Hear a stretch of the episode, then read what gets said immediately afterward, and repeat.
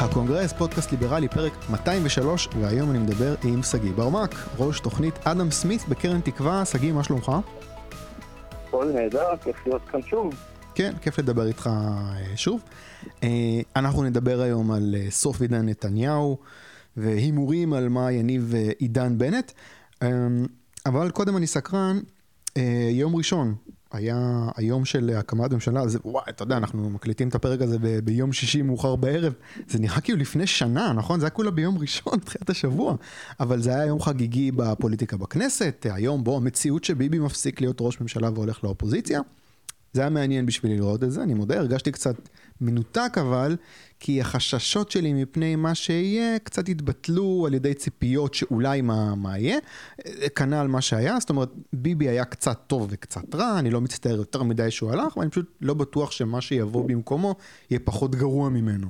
אני סקרן איך אתה חווית את החילופי ממשל האלה, מה, מה עבר לך בראש, מה תחושות בטן ראשוניות כאלה? וואו, אה, בעיקר הרבה מאוד רתיעה אה, והסתייגות. אה, למה? מה, מה, מה מפחיד? מה, בגלל ש... אני חושב שכל הצדדים צודקים. אוקיי. ואני אנסה להסביר, אה, להסביר את זה בקצרה. אני חושב שצודקים מצביעי ימינה עם המחאות שלהם כלפי הבחירה הלא מובנת מאליה של נפתלי בנט. ושל צמרת, אה, של צמרת המפלגה שלו. Mm-hmm. אני חושב שמציאות שבה אה, פוליטיקאי מבטיח דבר אחד לקהל הבוחרים הפוטנציאלי שלו, ואז עושה דבר אחר ברגע האמת, היא מציאות בעייתית ולא בריאה. Mm-hmm. כי בסוף כל המערכת הפוליטית שלנו מבוססת על רמות מינימליות של, אה, של אמון, ולכן אני חושב שמי שבאמת הצביע ימינה, יש לו את כל הסיבות שבעולם נורא נורא לכעוס על, ה, על המעשה שבנט, שבנט אה, עשה. Mm-hmm. אני לא חושב אבל שהנקודה הזאת, הזאת היא תופסת לאותם אנשים שלא הצביעו ימינה ושדאגו לבקר אותם בצורה מאוד מאוד אה, נבזית לאורך הזמן, mm-hmm. וזה, וזה נורא נורא מעניין, כי לי יצא להיות, אה, הזדמן לי להגיע לאחת ההפגנות שהתקיימה מחוץ לבית של ניר אורבך, mm-hmm. וזה פשוט היה אירוע על טהרת הליכוד. כאילו, 99% מהאנשים שם היו ליכודניקים, ואולי פגשתי מצביע ימינה אחד. Mm-hmm. אז, אז המחאה של מצביע ימינה היא צודקת, אבל זה נורא נורא מעניין לראות את ההשתלטות הליכודניקית על המחאה הזאת.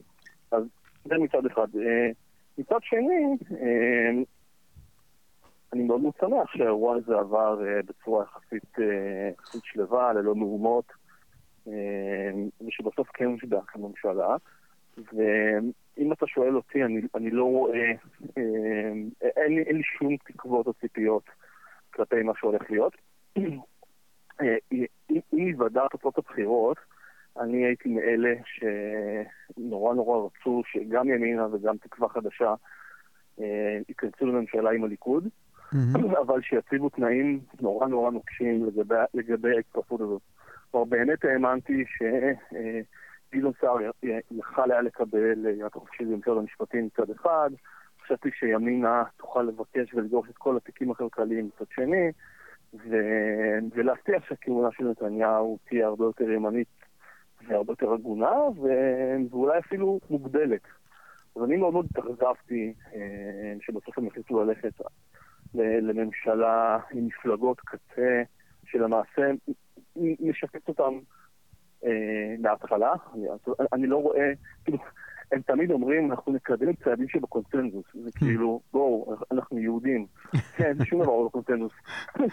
האמת, אני, הממשלה הזאת, אני הכי אהבתי דווקא את ה...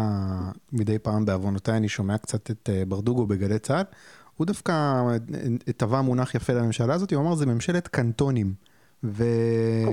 ונפתלי בנט הוא כאילו, הוא קצת, הוא לא ראש הממשלה, הוא כאילו יו"ר הדירקטוריון. כזה, אתה יודע, מארגן כזה, כי זה באמת, זה, אתה רואה את זה עכשיו עם כל מיני חוקים שמנסים להעביר. זה כאילו, לא ברור כל כך מה הקשר ביניהם, אבל איכשהו יש איזו מסגרת אה, שהם שייכים אליה. מאוד מוזר העניין הזה. אמ, אני כן מקווה, אני כן מקווה, ומבחינתי, אני מסתכל על הבחירות הבאות כאן. ואני מקווה שהממשלה הזאת שקמה על טהרת ה... אוקיי, בואו בוא נוציא את נתניהו, וטיפה נעבור את המערכת הזו, אני כן מקווה שהדבר הזה, כל האירוע פה יחולל איזשהו ערב פוליטי יצירתי שכרגע קשה להצביע עליו. כן. אבל uh, מבחינתי, אני לחלוטין מסתכל קדימה לבחירות הבאות, ובעיקר מחכה ומסתכל לראות אילו שחקנים חדשים שלא לקחו חלק בסבב הנוכחי אה, יטוסו לנו.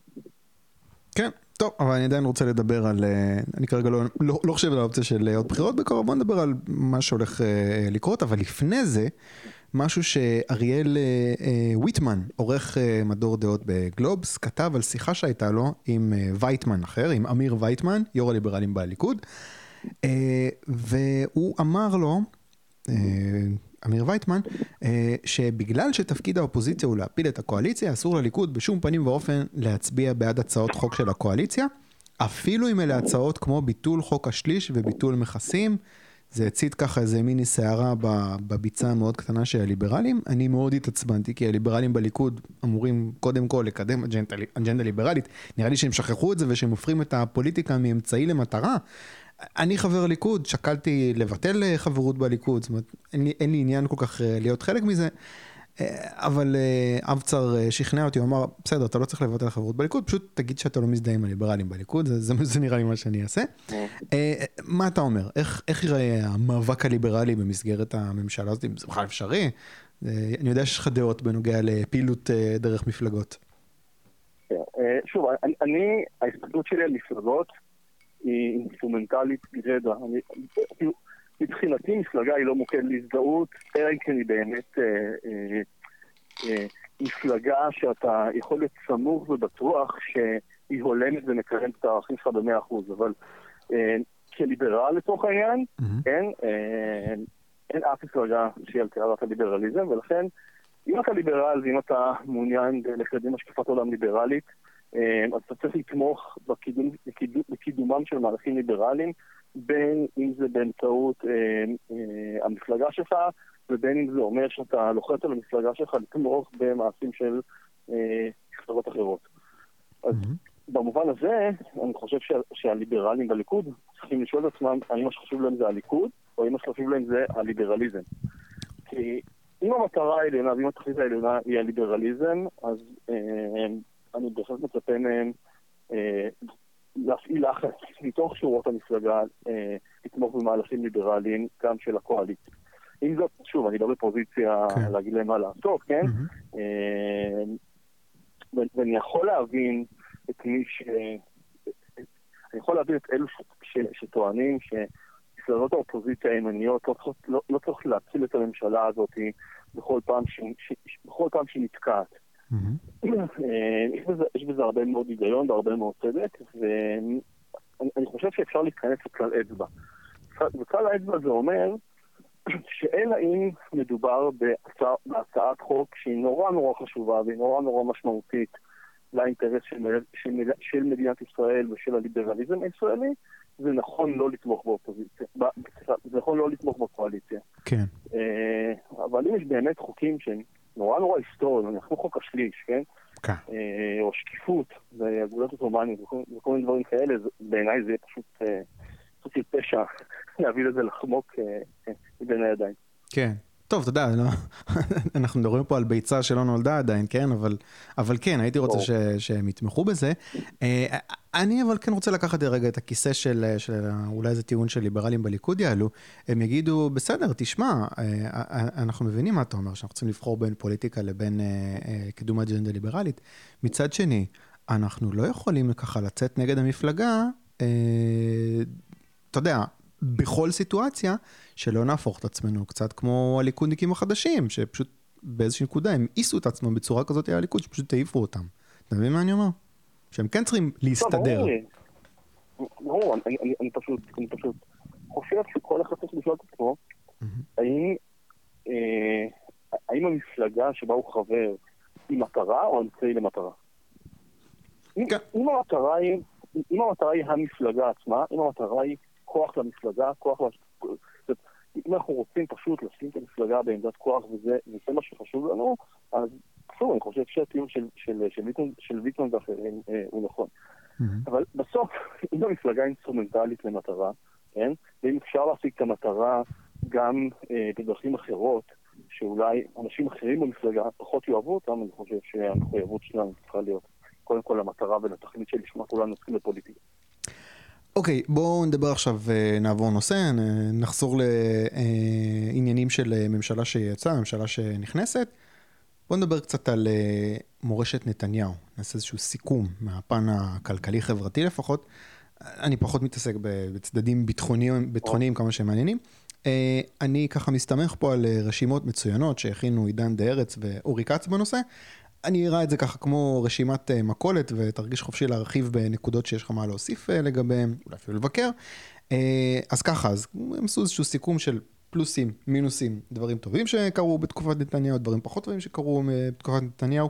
מבחינת פלוסים אה, בין 2009 ל-2021, הם מנו את הקמת האגף למדיניות רגולציה, צמצום הפער בינינו לבין ה-OCD, OECD, OECD מבחינת תוצר לנפש מ-12.5% פער ל-10% פער, אה, ירידה באבטלה, העברת מתווה הגז, למרות הרבה מאוד ביקורת, זה לא היה ברור מאליו, אה, רפורמת השמיים הפתוחים, רפורמת רישוי עסקים, שיפור ביחס חוב תוצר, למרות נסיגה בשיפור הזה לאחר הקורונה. אה, בצד של החסרונות, גידול בתקציבי החינוך והבריאות מבלי שברור האם זה לווה גם באיזשהו שיפור בשירות. תוכנית מחיר למשתכן, זה, זה עליו, מצטער, זה במשמרת של ביבי. אה, קנייה לקבוצות לחץ כמו חברת חשמל ונמלי הים ותשלום פיצויים של מיליונים לכל עובד בשביל רפורמות תחרותיות שלכל היותר זוחלות כרגע. אה, עלייה במחירי הדיור, עלייה קלה במיסים, מס חברות עלה, מע"מ עלה, מס הכנסה, המדרגה העליונה חזרה להיות 50 אחוז, אה, זה, זה, זה מאוד uh, הציק לי. התנפחות המגזר הציבורי שזכה לעליות שכר גבוהות מקצב עליית השכר במגזר הפרטי. זהו, זה ככה רשימת uh, מכולת. בוא תן לי ככה את האינפוט שלך, איך אתה מסכם את uh, שנות נתניהו בזירה הכלכלית-חברתית. אה, אני אגיד, אני אגע בשתי נקודות שעבורי נורא חשובות. ואני אגיד ככה, אפשר בהחלט לטעון שביחס לחלופות שעמדו בפני הציבור הישראלי, נתניהו היה החלופה אה, הטובה ביותר אה, מבחינת אה, דבקות, הנכונות לקדם את המטרות הליברליות, ויש לו לא מעט הישגים, כפי שמנית ברשימת המכולת הזאת. זה, אני אומר, אני אומר לזכותו, מבלי להזכיר כמובן את ההישגים שלו כשר אוצר וכולי וכולי וכולי. כן. עם זאת, עם זאת, אני רוצה להצביע על שני דברים. אחד, זה הכישלון, בעיניי הכישלון הטוטאלי והמוחלט של נתניהו בכל מה שנוגע למערכת החינוך הישראלית. ואני רוצה להסביר למה אני מצביע על מערכת החינוך הישראלית. Mm-hmm. בסוף, הצליחה הכלכלית של ישראל אה, תלויה בצורה אה, אדירה בהון האנושי שלנו. ואני חושב שההפקרות שקורית כרגע במערכת שאמונה על הטיפוח והבנייה של ההון האנושי הזה, היא, היא, פשוט, היא, היא פשוט בלתי נצפת. ובמובן הזה, אה, עשור שלם הלך לאיבוד, כי עשור שלם לא עשינו שום דבר. המערכת זקוקה נואשות לגלגל הצלה ולפוליטיקה ימית, אה, שבאמת פשוט התמודד אל מול הגורם המרכזי שמונע שינויים בה, וזה שהוא כמובן ארגוני המורים והפקידות של המשרד. אז אני חושב שמן הזווית הכלכלית, כן, הכישלון הכי גדול של נתניהו באמת היה אה, פשוט חוסר ההתמודדות בכל מה שנוגע למשרד החינוך ולהסתדרות, כן, שהיא בסוף אה, ארגון הגג שמונע כל רפורמה אה, במגזר הציבורי אה, ועוד. אגב, אה, אה, אה, אני רוצה, כן. אני רוצה להתייחס לזה, צריך להיות הוגן, העניין הזה של רפורמה בחינוך, וספציפית, אם אני, אם אני חושב על הצעדים שאני חושב שאתה מתכוון אליהם, אלה צעדים שעדיין בשיח הציבורי נתפסים כמאוד קיצוניים. זאת אומרת, זה לא שהוא היה, אפילו אם הוא היה מקדיש את עצמו לזה, זה, זה משהו שמאוד מאוד קשה לקדם, אתה יודע, זה לא, זה אפילו לא איזה מלחמה במועצה חקלאית, שזה כמה מאות, במקרה גג, כמה אלפי חקלאים. בואנה, זה עשרות אלפי עובדים, זה, זה, זה וואחד מלחמה, כן? וזה לא, זה, לא. זה משהו שעדיין לא בשיח הציבורי. אין בעיה, בסדר גמור. אבל יש הבדל גדול בין לבוא ולהגיד, אה, טוב, נתניהו לא הצליח לקדם את המערכת למערכת של שוברים, נניח, אוקיי, שזה באמת אפשר לבוא ולהגיד, כן, הציבור לא בשל, לתמיכה ציבורית דברים כאלה, לבין להצביע על כך שנתניהו לא דיבר על זה בכלל, כן? כלומר, זה בכלל לא היה סדר היום שלו. הסוגיה הזאת, חלק ממה שאני מצפה לפחות ממנהיג פוליטי אה, מוצלח, זה להכין את הציבור ולהעלות על סדר היום הציבורי את מה שבעיניו, כן, אה, הם, הן רפורמות מרחיקות לכת שאנחנו נצטרך לבצע אותן במוקדם או במאוחר. אני חושב שלנתניהו היה מאוד מאוד נוח פשוט להביא את המשרד הזה למישהו ולהתעלם ממנו, ופשוט לשכוח מקיומו. אה, אז שוב, אני בהחלט חושב שנתניהו נושא בחלק נכבד מהאשמה אה, בכל מה שנוגע להוזיל את היד. עכשיו, תשמע, משרד החינוך זה המשרד הכי גדול שיש לנו. הוא עקף את הביטחון. כלומר, זה, זה, זה, זה הדבר הכי חשוב. אז זו, זו אבל רק נקודה אחת. הנקודה השנייה שאני רוצה להצביע עליה, זה באמת כל השאלה והסוגיה סביב הציבור החרדי והערבי. כי בסוף, אה, כמו שהצמיחה הכלכלית ארוכת הטווח שלנו תלויה אה, בהון האנושי שלנו, חלק מההון האנושי שלנו, כן, זה גם האנשים והילדים אה, ש, ש, שמוגדרים כחרדים וכערבים. ואני חושב שהטיפול של ממשלות נתניהו, מסיבות קואליציוניות ברורות, אגב, כן? כן. בכל מה שנוגע לשילוב של גברים חרדים אה, בכוח העבודה מצד אחד, ובכל מה שנוגע להכלת לימודי ליבה מצד שני, אה, פשוט לא, פשוט שוב, עשור שלם שהלך לאיבוד. Mm-hmm. אז שוב, אה, אולי נתניהו עשה, אולי נתניהו עשה דה-רגולציה. אולי נתניהו הוריד את יחס חוב תוצר. אולי נתניהו הצליח לצמצם קצת את המרחק שלנו מה-OECD.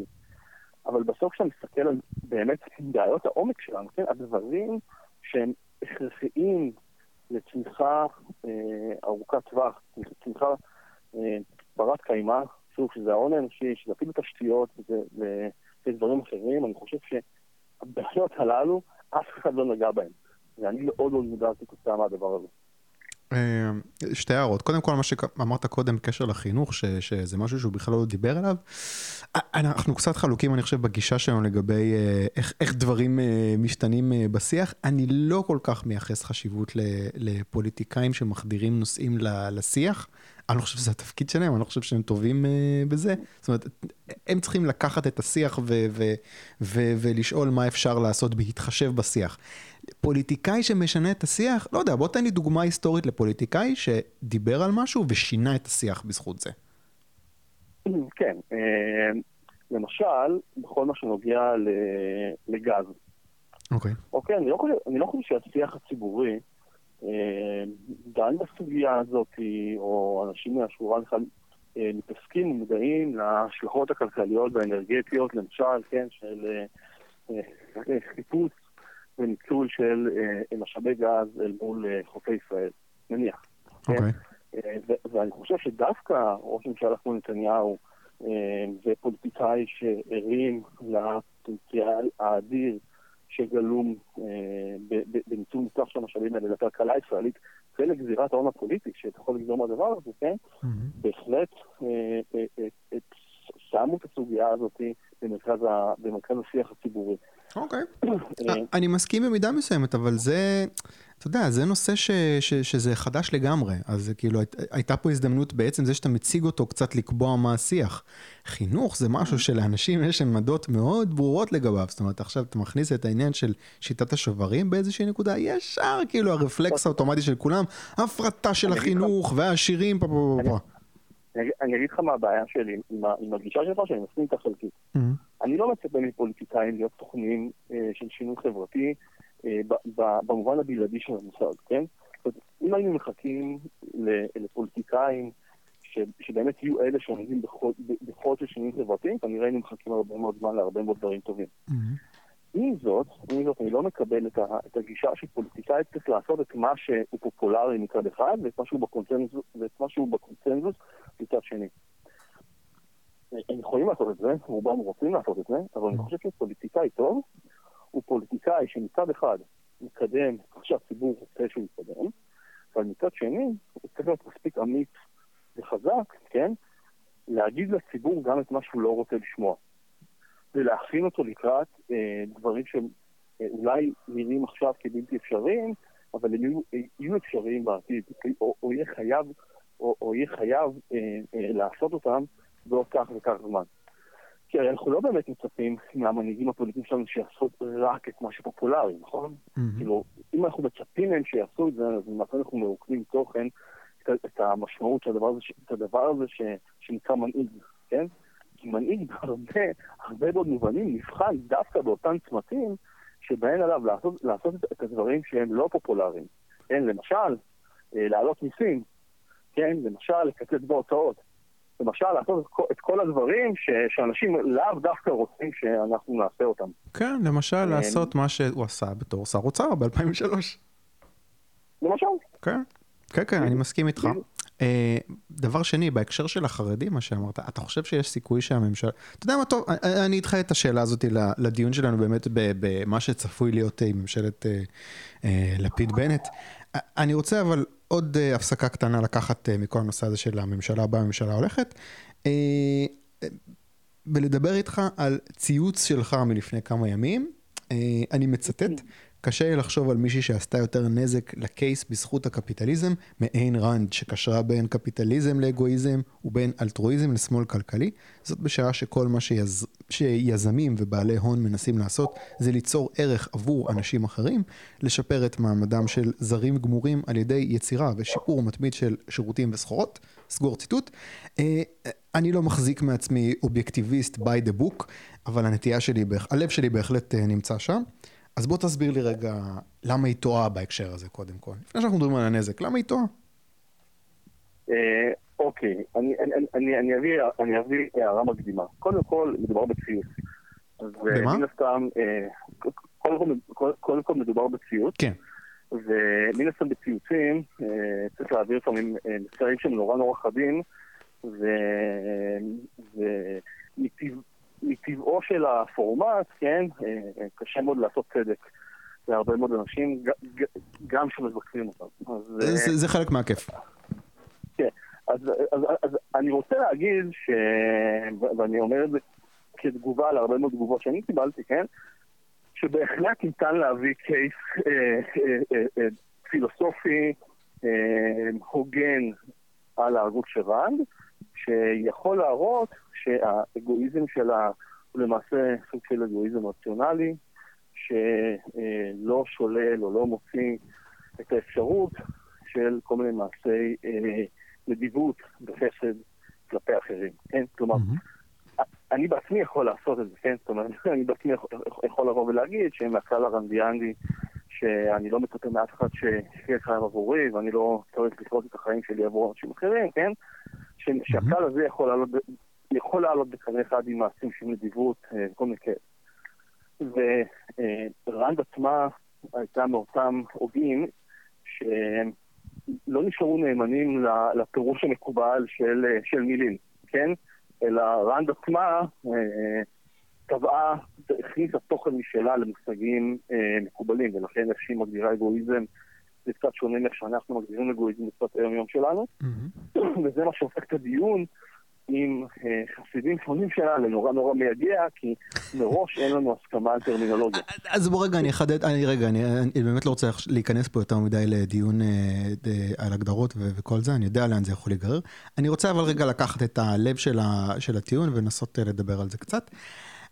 אתה אומר היא גרמה נזק כי היא הציגה את הקפיטליזם כמין איזושהי אה, אה, שיטה.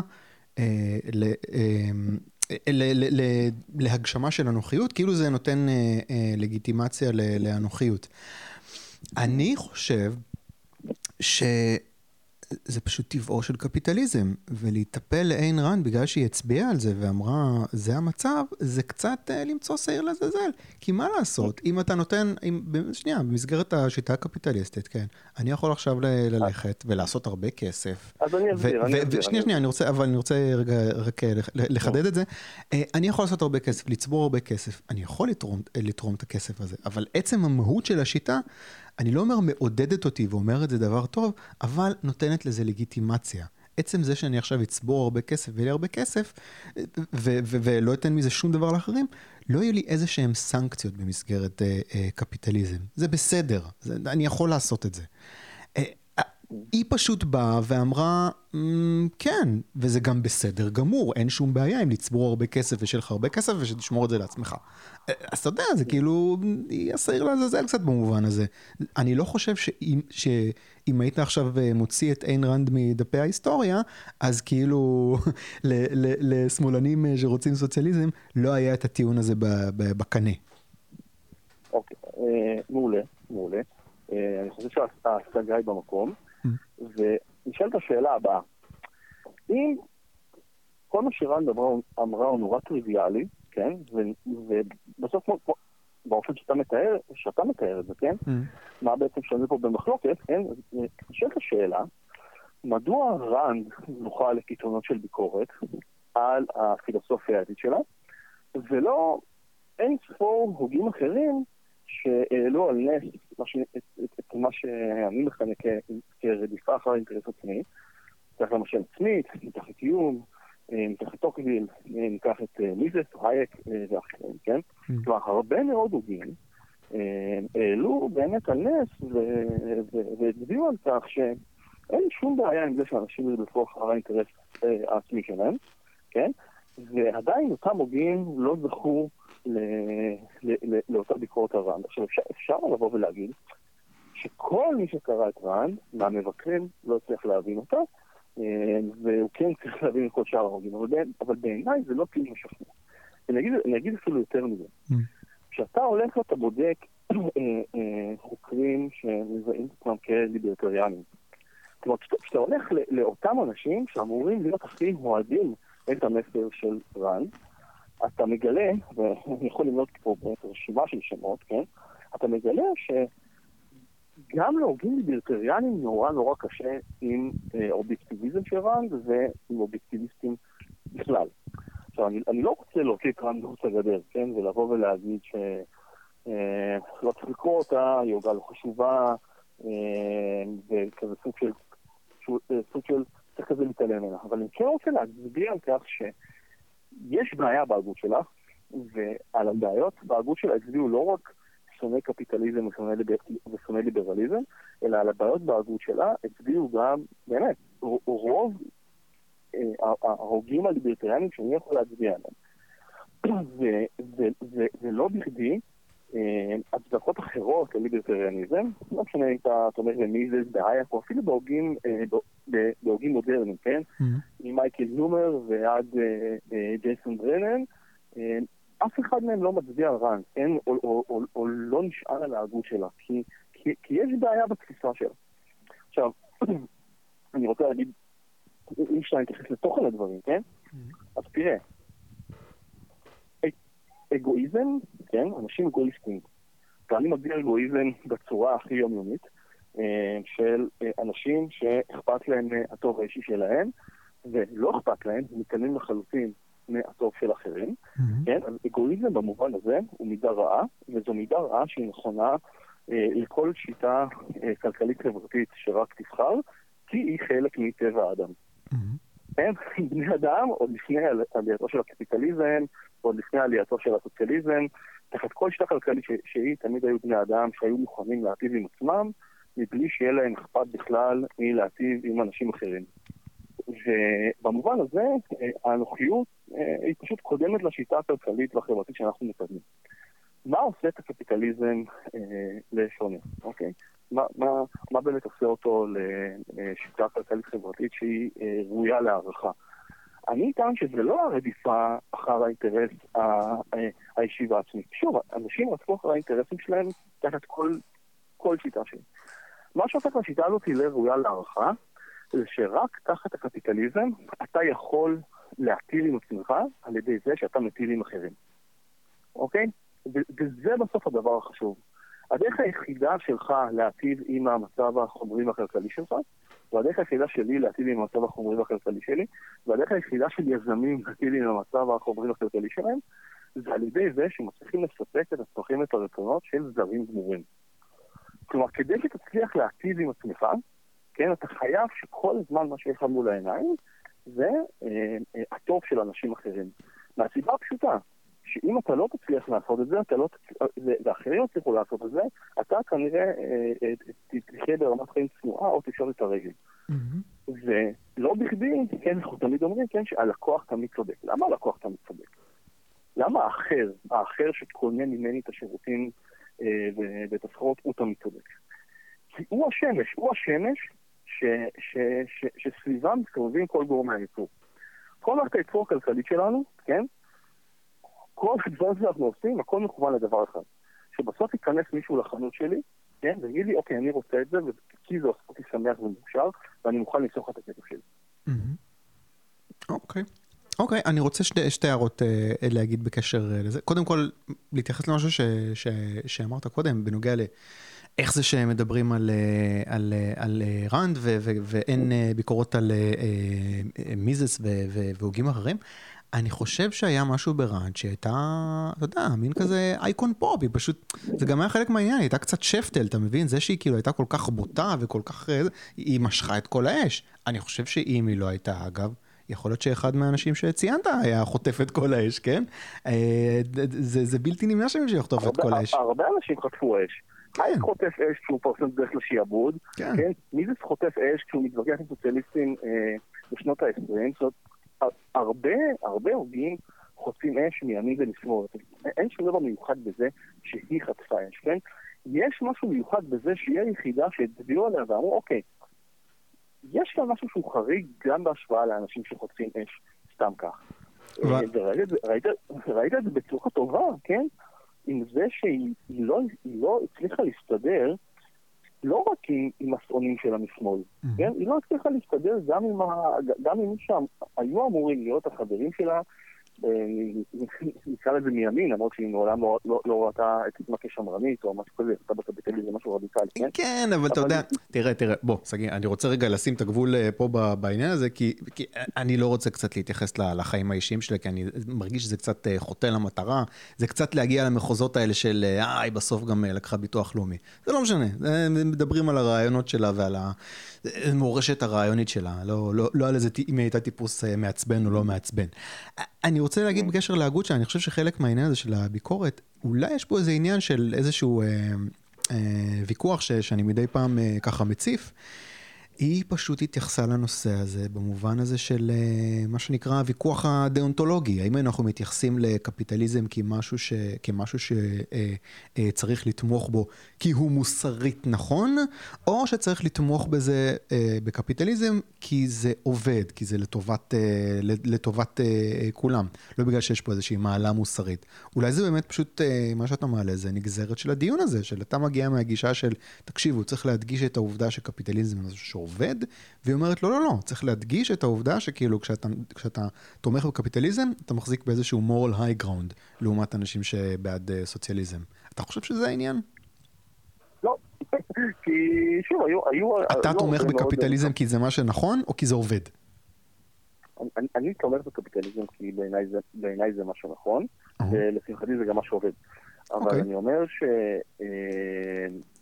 אה, ואני צריך פה לסייג, כי הליברליזם, כן, לא הקפיטליזם, הליברליזם הולם את הפילוסופיה המוסרית שלו מצד אחד, אבל אני גם תומך בליברליזם כלכלי מטעמים אפיסטמיים, הייקיאנים מצד שני, אבל זה באמת כבר נושא לשיחה אחרת. אבל אני אגיד שגם אם כל מה שמעניין אותך זה ההיבט המוסרי של העניין, כן, אז אה, רנק לא הייתה היחידה שכתבה על, על הליברליזם הכלכלי מזווית מוסרית, כן?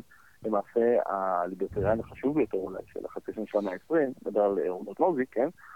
הוא, הוא, הוא כותב רק עם הזווית הדאונטולוגית, כן? כל הספר שלו, אם אתה קורא את אנרכיה, מדינה ואוטופיה, כן? אתה רואה שהספר כולו מוקדש בין היתר לביקורת מוחצת של חוקים אה, תועלתניים אה, אה, נקרא להם גסים, כן? אז אה, אני לא חושב שרן היא מיוחדת יותר מדי בזה שהיא הדגישה את ההיבטים היותר מוסריים. טוב, פה האמת, אתה חושף פה, אתה חושף פה את הבורות שלי, זאת אומרת, העומק הספרותי שלי הוא ממש לא, לא, לא גדול. לא, אתה עושה לי חשק, אתה יודע, אתה עושה לי חשק, אתה אומר את העניין הזה, אתה עושה לי חשק לקרוא את הספר, אבל אין לי את הזמן לעשות את זה. בוא תן לי אבל טעימה כזה, מה הטיעון המוסרי שלו לגבי אה, קפיטליזם, אם אתה יכול. כן, אה, תראה, יש הגות ענפה שמתחילה בלוק, אה, אבל ממשיכה באבות המייסדים ובהוגים שונים במאה ה-19 כמו בספייה.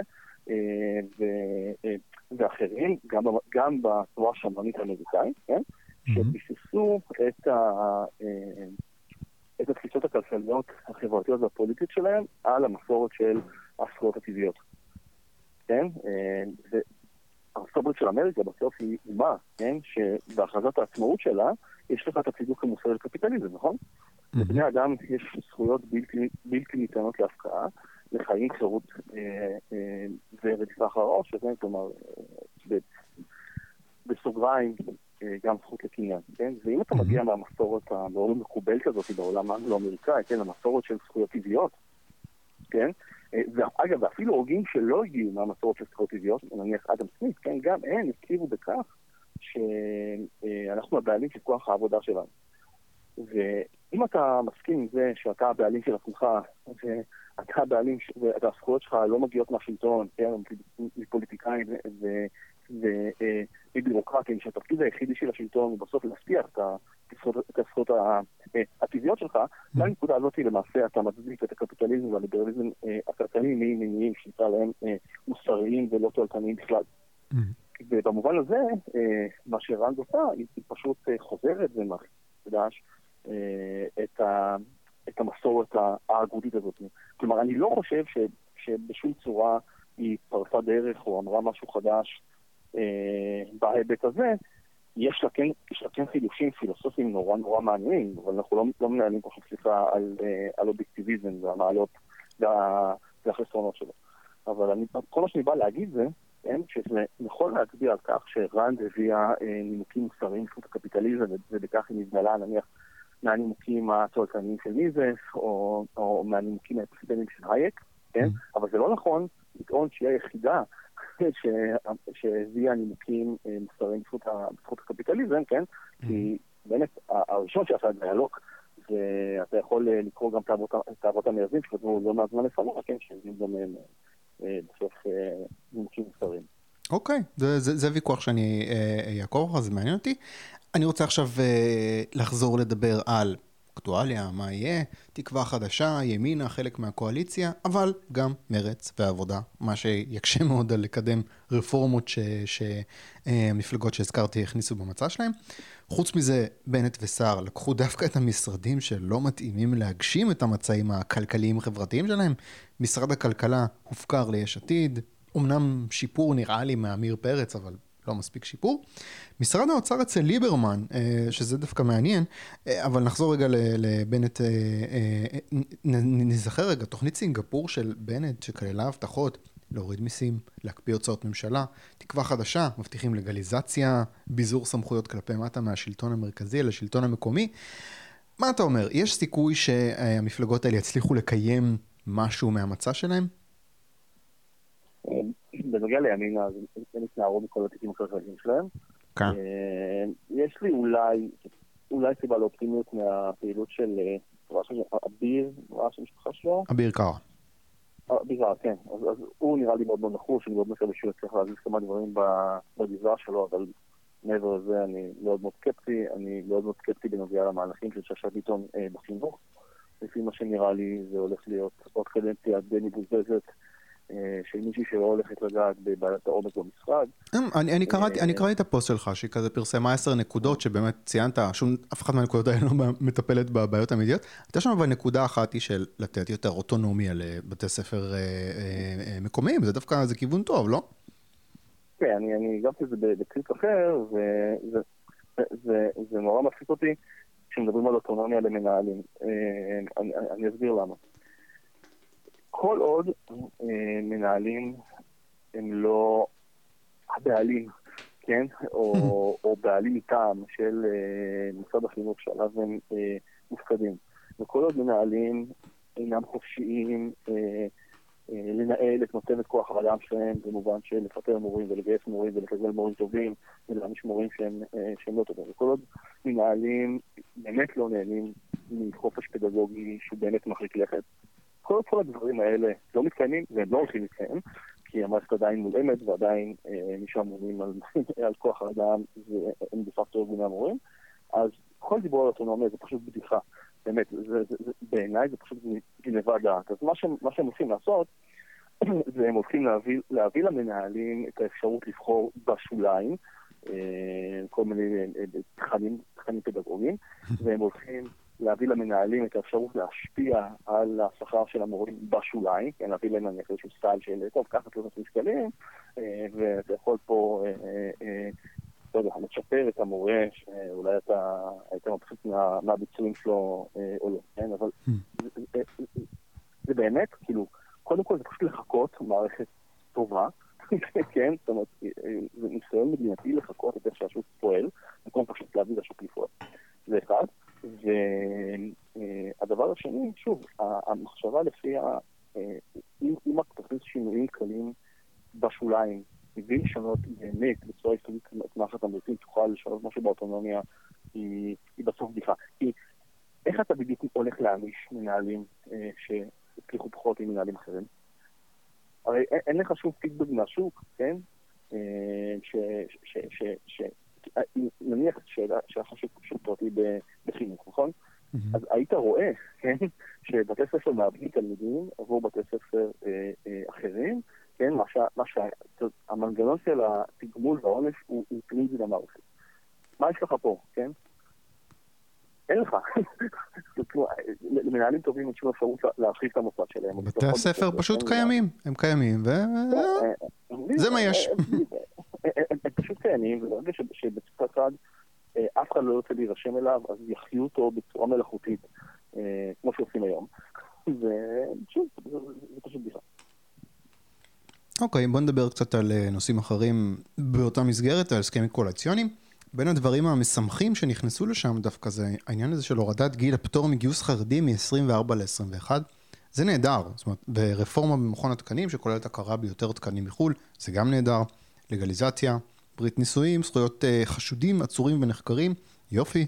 Um, בצד השלילי של ההסכמים הקואליציוניים, פטור מארנונה לבתי מלון, למה בדיוק? הקמת שני בתי חולים בפריפריה, אני לא מבין אם כולם אומרים שאין, שאין רופאים, מה יעזור אם יקימו עוד שני בתי חולים. אה, ועידוד רכישת תואר ראשון, למרות שישראל במקום השני או השלישי בעולם בשיעור ההשכלה הגבוהה של האוכלוסייה ביחס כן, לגודל. אה, אז מה אתה אומר? יותר טוב או יותר רע בהסכמים הקואליציוניים? יש שם כמה נקודות טובות. יש שם, אה, כן. שוב, אני, אני לא רוצה, שוב, לא, בסוף אני לא, לא רואה בשורות גדולות. אה, אה, על, על כל דבר טוב שאפשר להצביע, אפשר להצביע על דבר רע ומגוחך. אתה לא חושב אה, שהורדת גיל הפטור זה משהו משמעותי? אני חושב שזה משהו משמעותי, אבל אני גם משוכנע שאף אחד מהשחקנים לא יוצא להרגיז יותר מדי את המפלגות החרדיות, מניעים פוליטיים די ברורים. ולכן אנחנו צריכים לחכות ולראות. כן, נכון, בסופו של דבר זה ככה. אני לא אוהב לתת לפוליטיקאים קרדיט לפני שדברים אה, אה, נעשים. אה, באמת, צריך לחכות ולראות. בוא נדבר על מהלך שלא יורד מהשולחן, לשמחתי, לפחות ברשתות החברתיות. בין השאר בזכות אה, תומר אביטל, שלא מרפה מהנושא וכל הכבוד לו. העניין הזה של החלת תקנות של שקיפות באגודות התימניות. כן. אולי עכשיו כשמוקדי הכוח ההסתדרותיים, אולי, עוד לא הספיקו לעבור למפלגות החדשות אה, בקואליציה, יש סיכוי, אתה חושב שהעניין הזה סוף סוף יקרה, או שגם פה הרעים במרכאות ינצחו? אני מאוד מקווה ששר יחתום על זה. כן, זה יכול, זה יכול לקרות, יש איזה משהו גדול שיעצור את זה? באמת ש...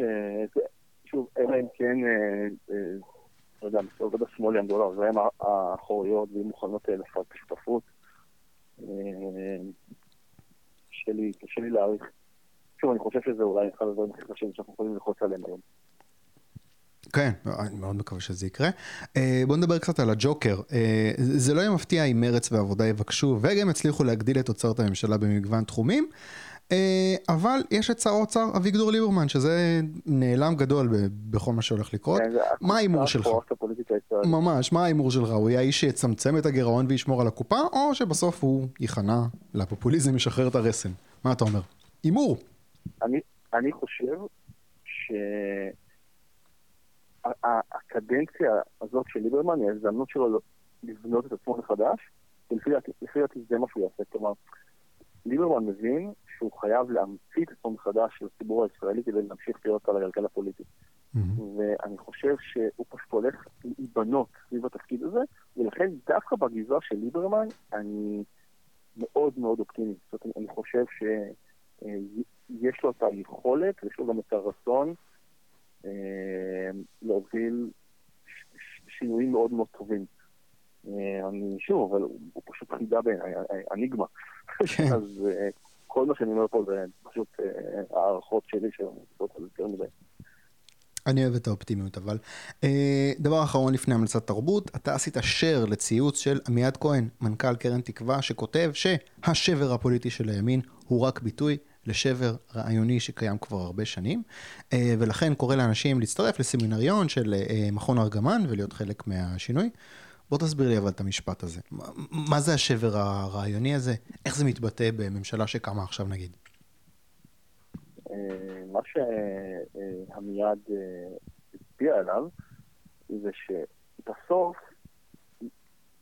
קיים שבר רעיוני בימין במובן הזה שיש חוסר הלימה בין המפלגות הפוליטיות של הימין, אה, שבהרבה מאוד מובנים הן פשוט מגלות אה, אופורטוניזם זול, לבין ההתעוררות האינטלקטואלית בימין, שהיא התעוררות, שוב, שמבוססת על תפיסת עולם אה, רעיונית שהיא נורא נורא סדורה באופן יחסי.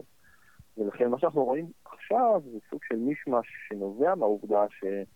מפלגות הימין עדיין לא מבטאות בהתנהלות שלהם ובערכים שלהם וב-DNA שלהם, כן? אה, את אותם רעיונות ימניים שבאמת צריכים לקדם, ולכן מפלגת שמאל ימין יכולה להיכנס לממשלה ואז להתנער מכל התיקים הכלכליים שאז דיברה עליהם אה, שנייה, שנייה לפני. כן. אה, אני כן אבל רוצה להגיד משהו על, ה, על, ה, על הסמינריונים, כן? לך על זה. אני רוצה לעודד את, את המאזינים. אה, להירשם לתוכניות השונות שלנו במכון ארגמן. יש לנו... אה, אנחנו דומים, רגע, אנחנו מדברים על סטודנטים? על, על, על סטודנטים, אבל גם מי שהוא לא סטודנט וזה נראה לו מעניין והוא אה, רוצה לנסות את מזלו, בהחלט אני מעודד אותו להירשם. יש לנו את תוכנית אקסודוס לתארים אה, ראשונים, יש לנו את תוכנית אדם סמית לכלכלה פוליטית ומדיניות ציבורית שאני מוביל, שהיא לתארים שניים ושלישיים, אבל גם לאנשים שרוצים להשפיע בזירה הציבורית שהם לא סטודנטים. Mm-hmm. יש לנו תוכנית אה, הרצל לפילוסופיה, שמוביל אה, דוקטור רונן שובל, שהוא גם עומד בראש המכון שלנו. אז אה, באמת אלה תוכניות ייחודיות, אין תוכניות אחרות כאלה בארץ. יש אה, מלגות נדיבות. יש חומרי קריאה אה, אה, ממש ממש טובים, ואנשים טובים, אה, וממש מלא יכולים להסתכל עליהם ולהירשם. זה בירושלים? בירושלים. בירושלים, אוקיי, בסדר, אני אשים אה, אה, קישור למי שמתעניין. אני רוצה רגע לחזור למה שאמרת, אבל אה, כן, יש תסיסה רעיונית, יש שיח.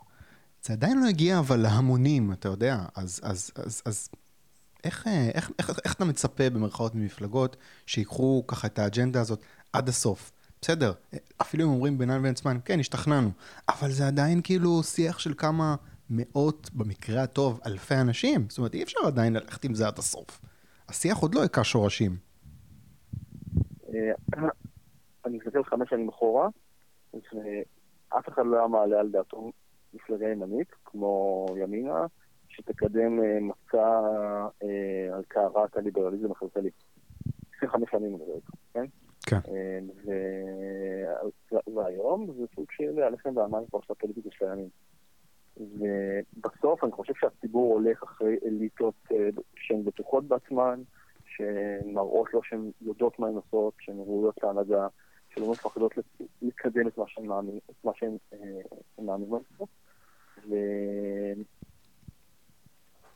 זה נכון שצריך להשפיע על הציבור הרחב מצד אחד, אבל זה גם נכון שבסוף הציבור הולך אחרי מי שנראה לו שיש לו בשורה.